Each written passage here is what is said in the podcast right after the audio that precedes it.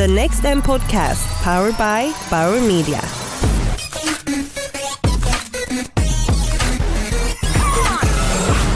Hej och välkomna till Next M-podcasten 2017 som presenteras av Bauer Media.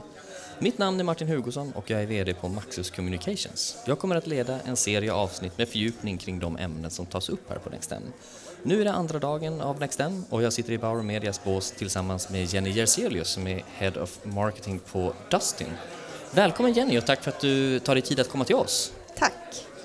Vi pratade lite kort om, om din, ditt jobb och ansvarsområden precis innan vi började här. Mm. Vad, hur skulle du beskriva, vad är under ditt ansvar?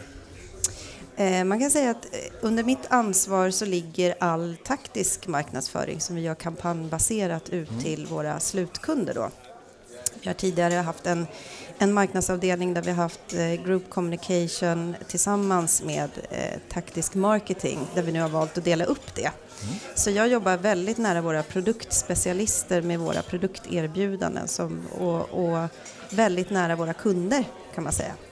Så du är ansvarig för att ni driver försäljning? Ja, Eh, igår så pratade vi på NextM en del om eye tracking. Mm.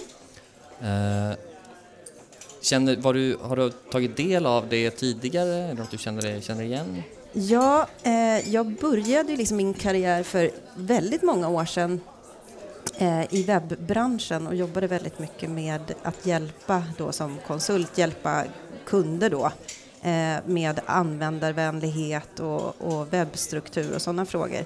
Så att jag, jag började väl kika på det för ganska många år sedan när det var lite i sin linda. Eh, och då var det inte alls lika avancerat som det är idag då. Så det är någonting som jag har känt till ganska länge. Eh, och idag så har det väl blivit någonting helt annat. Jag menar nu jobbar man ju även med det som eh, en typ av hjälpmedel medan vi kanske tidigare tittade på det för att bara förbättra en webbsida och ett visst kundbeteende så är, är, finns det otroligt stora användningsområden idag då. Eh, Toby som är här på NextM Mm. och eh, också var med i podcasten eh, menade att deras eye tracking kunde komplettera ett viewability-mått Mm. eh, genom att mäta hur människor ser eller inte ser annonser. Mm. Är det någonting som du känner skulle tillföra er marknadsföring något, något värde? Ja, det är klart att det är det. Jag menar, det är ju, nu, nu har vi ju för sig, vi har ju fått en förbättring de senaste åren. Men om man tittar tillbaka några år i tiden så hade vi ett riktigt klatter av banners på alla möjliga och, och omöjliga ställen egentligen. Vilket gjorde att man, men som konsument blev man ju väldigt mätt på banners och, och, och många tycker idag att det är ett ganska störande element. Så det är klart att det har ju blivit bättre, men eh, Syftet är ju att träffa så rätt som möjligt när man gör marknadsföring och det är ju säkert ett bra hjälpmedel för att hitta bäst positionering och hitta rätt eh, målgrupp också. På en sån här techmässa som NextM så är det ju oundvikligen så att man nu pratar väldigt mycket om machine learning för Mm. att lösa i första hand kanske monotona och enkla uppgifter men i takt med att den tekniken utvecklas även mer komplexa. Mm. Vilka arbetsuppgifter skulle du vilja ha hjälp med?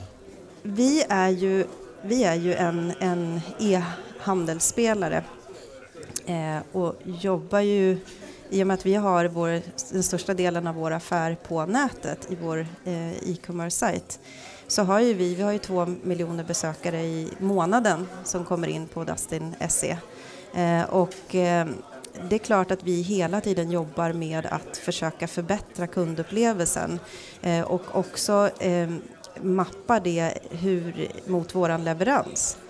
Och, och där ser vi ju stora användningsområden för just machine learning i form av att bli mycket bättre på att eh, Eh, det, är klart att vi, vi, vi sätter ju upp hela tiden regler som vi följer och vi monitorerar, vi utvärderar. Men det är klart att via machine learning så kan man ju bli ännu mer krispig i hela kundupplevelsen från att eh, tolka in olika beteenden hos kunderna på webben till att jobba mycket bättre med segmenteringsmodeller och målgruppsanpassat och personalisering. Vi jobbar också väldigt mycket med content naturligtvis och kunna presentera rätt content för rätt person i rätt tid i köpresan. Där ser vi ju, där finns det ju stora potentialer i att jobba med machine learning från första upplevelsen av webbplatsen till dess att köpet är klart. Eh, hur ser du på att konsumenterna i viss mån får tillgång till machine learning i form av personliga assistenter? Där många beskriver att en, en kundresa framåt i tiden kommer vara mycket smidigare för konsumenten. Att man bara säger vad man vill ha från sin telefon och sen gör telefonen eller datorn mm. valet åt en. Mm. Hur påverkar det er eh, när maskiner pratar med maskiner och fattar besluten? Ja, vi jobbar ju väldigt mycket med sökbarhet. Eh, och jag menar när man har så många besökare som vi har så, så är det ju klart att vi har ett team som bara jobbar med att presentera våra sökresultat eh, och titta på hur man söker och vad man söker och vad, vad som är intressant. Sen jobbar ju vi också med våra, eh, vårt pricing-team på analys kring prissättningar och sådana saker. Så att jag tror att vi är nog ganska bra förberedda för en sån framtid på ett sätt därför att vi jobbar så otroligt mycket med de här resultaten och det här tänket redan. Så att jag tror att om det är en maskin som söker eller om det är en människa som skriver in en sökfas på eh, bra business-PC för småföretagare med tio anställda. Om det är det som är sökfrasen, vare sig du skriver in den på Google eller skriver in den i våran sök eller om det är en maskin som skickar ut den frågan så ska ju vi naturligtvis vara så förberedda så att vi kan ge ett bra svar på den och komma högt upp i en ranking. Så att maskinen frågar och Google svarar, eller vår egen sökmotor svarar då. Det jag funderar på i, det sambandet och för er och liknande branscher är väl hur det finns en risk att maskiner inte tar samma hänsyn till inarbetade varumärken som en människa gör mm. när man väljer mellan olika alternativ efter en sökning. Ja. Ni har ju ett väldigt starkt varumärke. Mm. Eh, tror du att behovet av ett starkt varumärke kommer minska? Jag tror att oavsett varumärke så tror jag också så här att Dustin har ju byggt mycket varumärke och kännedom kring att vara, dels så har ju vi, vi har ju 200 000 produkter i vårt lager, vi har 1200 varumärken så vi hanterar en enorm massa av IT-produkter så vi har ett extremt brett sortiment. Vilket gör att du hittar mycket hos oss som du kanske inte hittar eh, hos någon annan.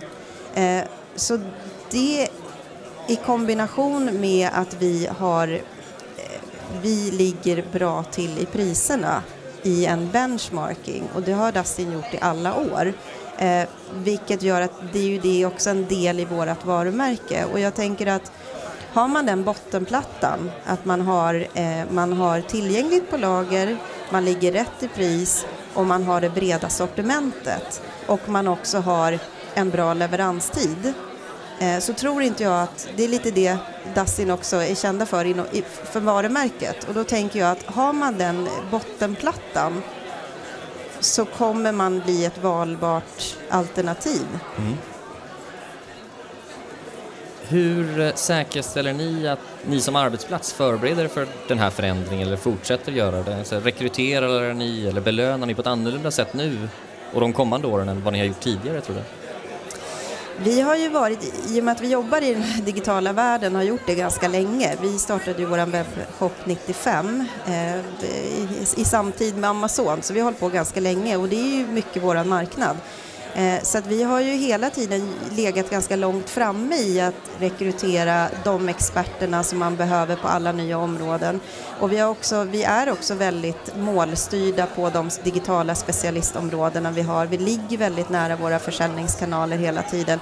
Och det fina med det jag tycker är också en av de sakerna som är jätteroligt med att jobba hos Dustin är att vi har ju en så stor kundbas och eftersom vi är så digitala så händer allting i realtid. Så att vi kan i realtid se hur en kampanj eller en produkt eh, går ut hos våra kunder. Vilket gör att vi har ju enormt mycket data vilket gör att vi blir väldigt styrda på de KPI-erna och det är ju en otrolig förmån att få jobba så nära hela tiden affären tidsmässigt eh, och också kunna jobba då med att göra förbättringar och jobba iterativt.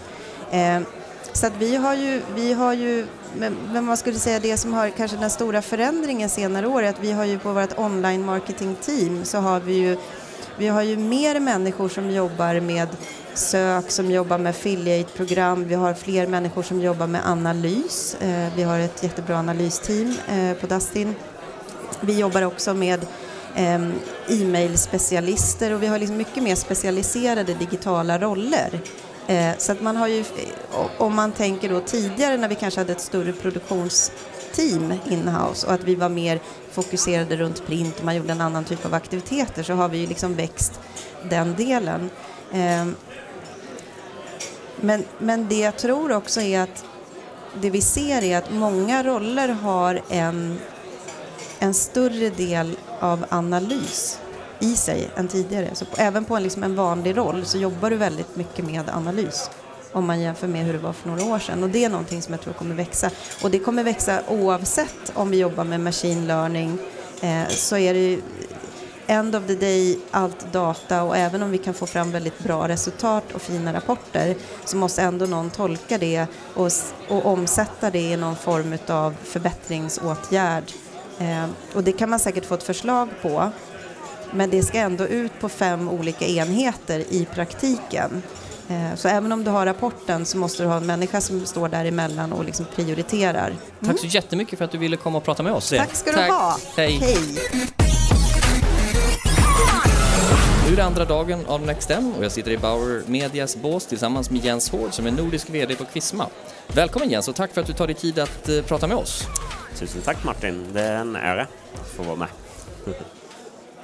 en debatt som har förts i branschpress och som även många media marknadschefer har tagit upp i podcasten är deras kanske tillbakagång till bredare kanaler. Att de känner att på grund av olika problem med valutor eller med fraud eller viewability mm. eh, så backar man lite från digitala kanaler, eller mm. spetsigare eller mer, man söker inte samma relevans längre. Mm. Jag menar. Vad är din syn på de här två sidorna av marknadsföring? Ja, nej, men det är en intressant eh, spaning måste jag säga, eh, iakttagelse. Och eh, ska man jobba med digital marknadsföring och göra det korrekt så måste datan vara robust. Um, och jag tror det är där många kanske inte riktigt har gjort hemläxan. Eh, att se till att den data man agerar på eh, också är 100% robust. Eh, så där finns ett jättestort jobb att göra. Ehm, det finns ju extremt må många möjligheter med datadriven marknadsföring. Um, men det finns ju också därmed extremt många misstag man kan göra. Men där många marknadschefer säger att men vi har en målgrupp på 4 miljoner. Det lönar sig inte för oss att segmentera den. Vi, behöver vi kan inte gå så snävt. Mm. Vad säger du till dem? Um, ja, um, det, det är så som jag ser på datadriven marknadsföring så, så jobbar vi ju utifrån målgrupper snarare än, än placeringar. Um, och eh, jobbar man då eh, över flera digitala kanaler, det vill säga inte bara en, utan kör multi-channel som ofta innebär paid search, social och programmatic, eh, då når man garanterat eh, merparten av sin målgrupp oavsett kanal. Eh, men då ska man helst jobba i alla tre kanaler och använda data mellan kanalerna.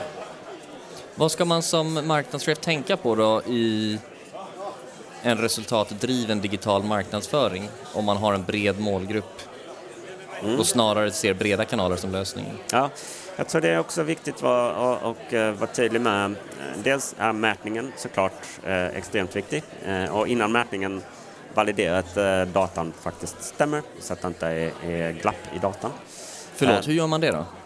Ehm, det behöver man eh, egentligen statistiker, statistiker eller eh, data scientists för, ehm, var de nu finns i sin egen organisation eller så kan man ta in externa konsulter som är duktiga på det. Um, när man vet att datan är, är korrekt, um, därifrån så sätter man sen upp uh, vettiga kopior. Och kopiorna kan ju vara, uh, det kan vara branding-kopior och, och, det kan vara rena performance-kopior.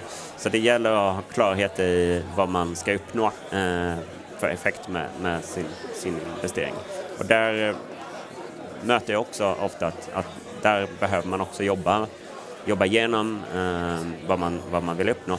Och jag tror många kanske också är lite för ivriga att sätta alldeles för granulära mål eh, för tidigt. Eh, så vår rekommendation är snarare, eller min rekommendation är snarare att, eh, att backa och sätta ganska höga, eh, enkla KPI initialt. Kan du exemplifiera skillnaden mellan ett granulärt mål och ett Alltså, som du rekommenderar? Jag tror vi kan backa lite till vad du sa inledningsvis att eh, man, man kan ju segmentera ner, i minsta, eh, ner till minsta enskilda individ egentligen. Ehm, och, de, och där blir många väldigt, ja men då ska vi eh, mäta på, på den nivån också och, och ha mål på den nivån. Men, ehm, men ehm, snarare då att man backa tillbaks och eh, ja, man kanske jobbar mer med eh, övergripande mål som att vi vill nå så här många kontakter. Lite den liknande mål som man jobbar med i, i eh, offline-media kanske.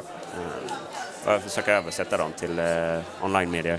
Och efter sex månader, 12 månader när man, när man har lärt sig mer om hur effekten blir så kan man börja jobba ner, mer mot eh, enskilda eh, ja, eh, KPI, eh, under KPI som cost of sales och den typen av, av mål. Så robust data och eh, rimliga mål då, både i hur svåra de är och hur komplexa de är, säger? Ja, så att jag, eller vi vår, brukar rekommendera att man, man har en, en, eh, en roadmap egentligen på hur man bygger upp en, en bra datadriven marknadsföring. Och en sån roadmap eh, kan eh, löpa över 12 månader. Så det kan börja med de enklaste kopiorna. Eh, förlåt, man börjar med, med säkerställa att datan är korrekt och sen, sen eh, är, är mätningen igång och man börjar följa upp på de enklaste kopiorna. Och samtidigt så under den här tiden så finns det då mer data som man kan analysera framåt för att göra ännu mer detaljerade mål. Eh, och eh, så som jag vill att man ska nå eh, efter säg 12 månader, att man kommer till ett attribueringsprojekt, det vill säga att vi verkligen i detalj kan följa konsumenten mellan de olika kanalerna. För att konsumenterna bryr sig inte om om annonsören kör social eller, eller paid search eller vad det nu är. Konsumenten använder alla kanaler. Ehm, men, ehm, och där gäller det ju att som annonsör och byrå förstå eh, hur, hur man kan prata med konsumenten längs deras eh, köpresa eh, och vara relevant hela vägen. Eh, då, då bör man bli granulär i, sin, eh, i sina budskap. Det vill säga att vi, eh, vi kan följa en, eh, en konsument från första touchpoint. Det kanske är en, en video på Facebook eh, till att eh, den gör en sökning till att den sen eh, är inne på Aftonbladet eller vad det nu är. Ehm, och eh, förstå hela det sambandet och eh, jobba med sekventiella budskap så att man inte eh, blir dum i sin kommunikation och säger samma sak alla tre gånger. Mm. Jag upplever ju att de företag som har kännedom som viktigt KPI och breda målgrupper drar nytta av analoga kanaler för att de kan köpas med ganska stor volym per tidsenhet. Ja. Medan digitala kanaler sällan når samma volym av kontakter under en dag eller en vecka. Vad, vad säger du om det?